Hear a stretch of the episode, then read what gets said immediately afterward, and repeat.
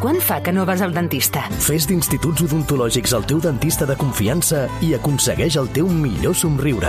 Demana cita ja al 900 131 002 o a ioa.es. Són les 8 del matí. Bon dia, Catalunya.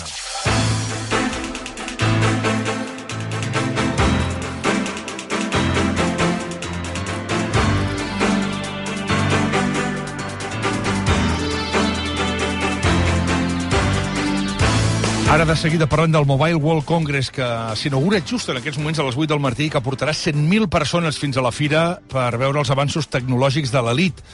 Tenim Mobile fins al 2029 i això és un èxit per Barcelona i pel país.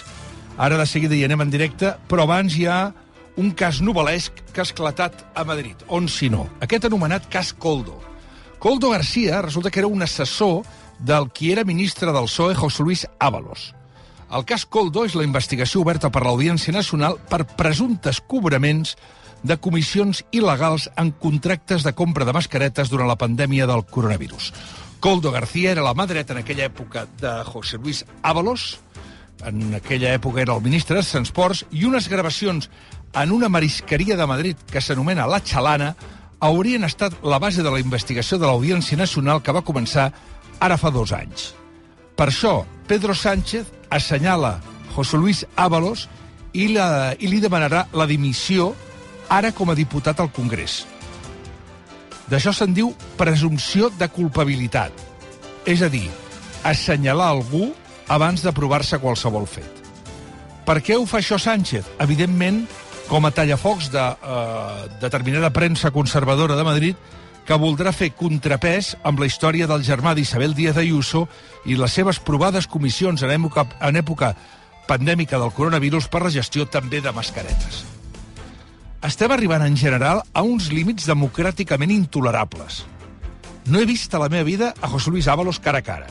No sí, de debò, ignoro si l'hem entrevistat com en l'acudit de l'Eugenio cap o una vegada, però ens hem de posar al seu costat si creiem en l'estat de dret. En una època en què tot va massa de pressa i on la porqueria és acumulativa per llançar-la dels uns als altres i dels altres assuns, és intolerable que hi hagi destitucions preventives, destitucions per si de cas. És assenyalar-los en una societat cada vegada més inculta políticament i que funciona a cop de tuit, situats en barricades entre els meus i els dolents, i sobretot que es queda només en l'epidermis de la notícia, és a dir, en el titular, sense arribar no només ja a llegir el text, sinó ni tan sols a llegir el subtítol.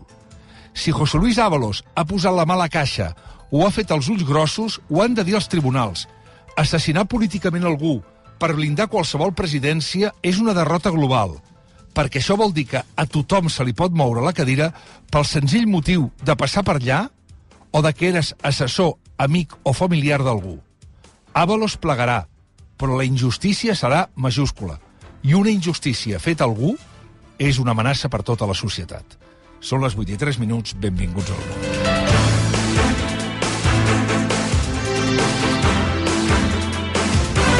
El món a RAC1 amb Jordi Basté.